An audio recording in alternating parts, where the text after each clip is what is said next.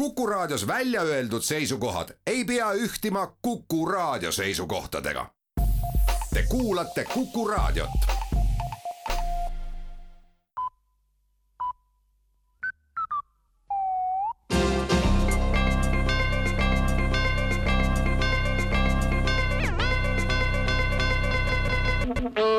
tere kuulama uudiseid stuudios Rohke Debelak. Koalitsiooniläbirääkimiste eilsete kokkulepete hulgas on ka põhiseaduse muutmise kavatsus, seda küll üsna minimaalses tekstilises plaanis ja ka sisulises mõõtkavas on tegemist lihtsalt välja kujunenud olukorra seadustamisega.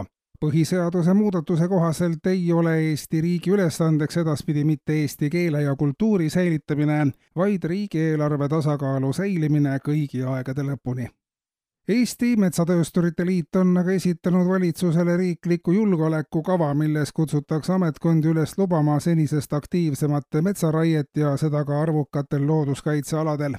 ajad on maailmas ärevad ja mets on alati Eesti rahvale kaitset ja varju pakkunud.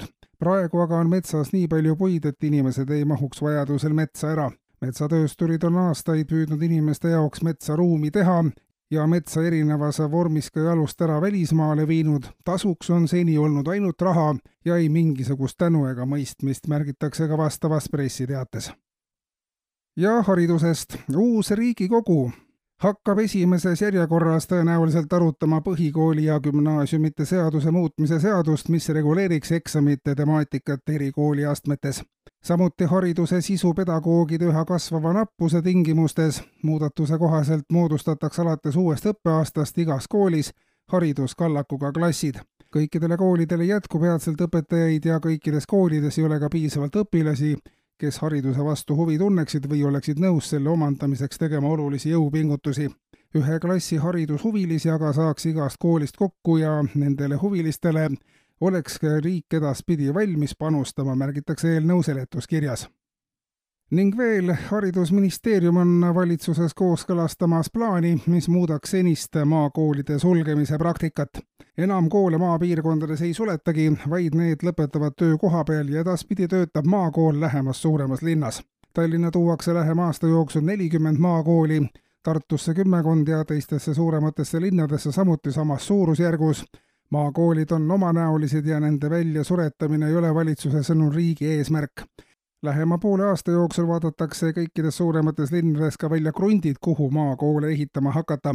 linnas asuv maakool annab maalastele võimaluse osa saada nii maa kui ka linnaelu positiivsetest külgedest ja toetab seega regionaalset arengut. maaelu mitte ei sure välja, vaid lihtsalt kolib linna, märgib valitsuse teade ja Majandusministeerium annab teada, et alates järgmisest nädalast hakatakse välja andma südametunnistusi taotlejaks võib olla nii ettevõte kui ametnik ja avalduses peab olema ära toodud, millisel põhjusel südametunnistus puudub või millist tegevust südametunnistus segab.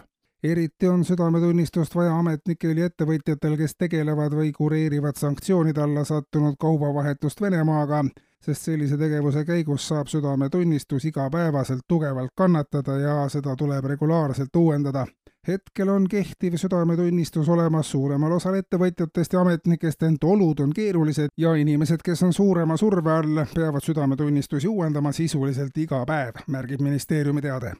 kuulsite uudiseid